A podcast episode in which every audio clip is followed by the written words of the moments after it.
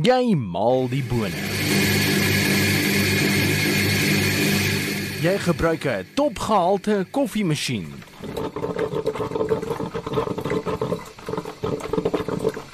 Jy sit terug en jy geniet wat jy sopas gemaak het. Ah, Heerlik. Hoe gesond is koffie wel vir jou en kan dit bydra tot gewigsprobleme? So die eerste volwaardige aantekening van koffie drink kom voor in die middel van die 15de eeu in Jemen. En sedertdien het die mens van gewoon koffie na connoisseur beweeg. Vandag word daar tussen 12 verskillende forme van die drankie daagliks ingeneem, van lattes tot mokkas en blootgewoon swart. Maar hoe kan dit bydra tot 'n gewigsprobleem by jou?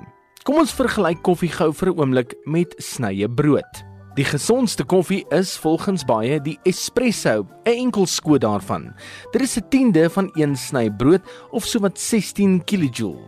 'n Cappuccino met amandelmelk en 'n dubbel skoot is gelyk aan bietjie meer as 'n halwe stukkie brood. 'n Latte met dieselfde melk en ook 'n dubbel skoot is gelyk aan een sny brood.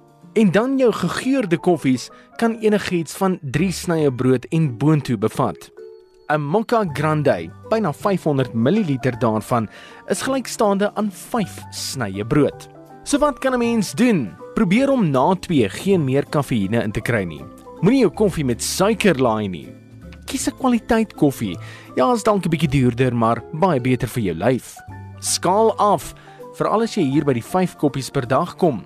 Mediese raadgewers reken dat meer as 4 koppies koffie per dag jou dalk na 'n vroeë graf kan stuur. En die kenners reken dat jy jou koffie met 'n papierfiltreerder moet maak. Dit bring glo die beste uit jou koffie. Lekker drink.